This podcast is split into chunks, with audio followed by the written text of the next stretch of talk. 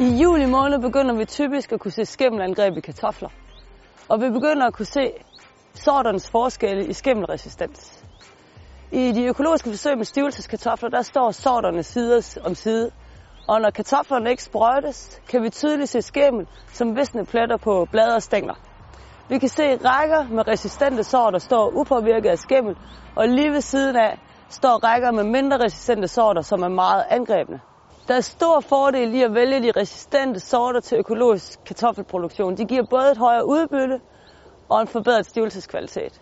De resistente sorter giver et markant højere udbytte end sorten Kuros, som stadigvæk er den mest almindelige anvendte stivelsessort i Danmark. De sidste fire års forsøg viser gennemsnitligt, at sorten Nofi giver et merudbytte på 18.000 kroner per hektar i forhold til Kuros.